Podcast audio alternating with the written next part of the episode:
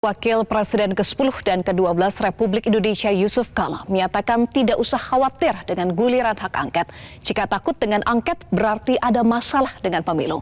Sedangkan mantan Panglima TNI Jenderal Purnawirawan Gatot Turmantio menyatakan angket adalah jalan terakhir setelah Bawaslu dan Mahkamah Konstitusi kurang bisa dipercaya. Dua-duanya baik.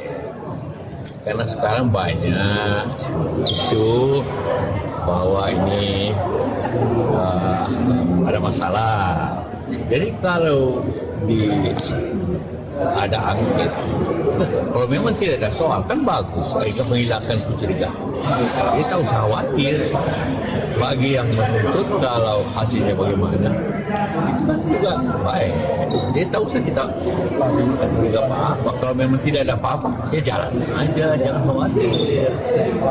Ya kan? Jadi buat kalau memang tidak apa-apa, hanya menjadi klarifikasi. Terkecuali kalau ada ada apa-apa, ya, orang takut biasanya. Itu aja. Mahkamah Konstitusi bagaimana bisa dipercaya? Bawaslu bagaimana dipercaya kan? Maka secara aturan di negara ini tempat terakhir ya hak itu aja.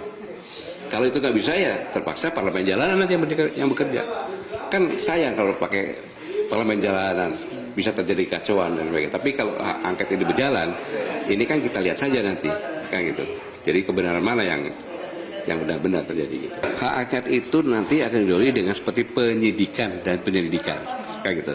Dari situ nanti akan bisa ketahuan contohnya dalam penyalahgunakan undang-undang keuangan negara karena dalam APBN 2024 nggak ada itu kan terpaksakan ada sehingga mengambil uh, dari kementerian-kementerian itu kan nanti kontraknya siapa yang kontrak beras kemudian datanya dari mana kan tidak melibatkan menteri sosial itu bisa di, diurai satu persatu nanti oleh di di hak angket gitu semuanya. Dari situ nanti bisa sebelum maju kepada uh, pansus kita sudah siap semuanya. Jelajahi cara baru mendapatkan informasi. Download Metro TV Extend sekarang.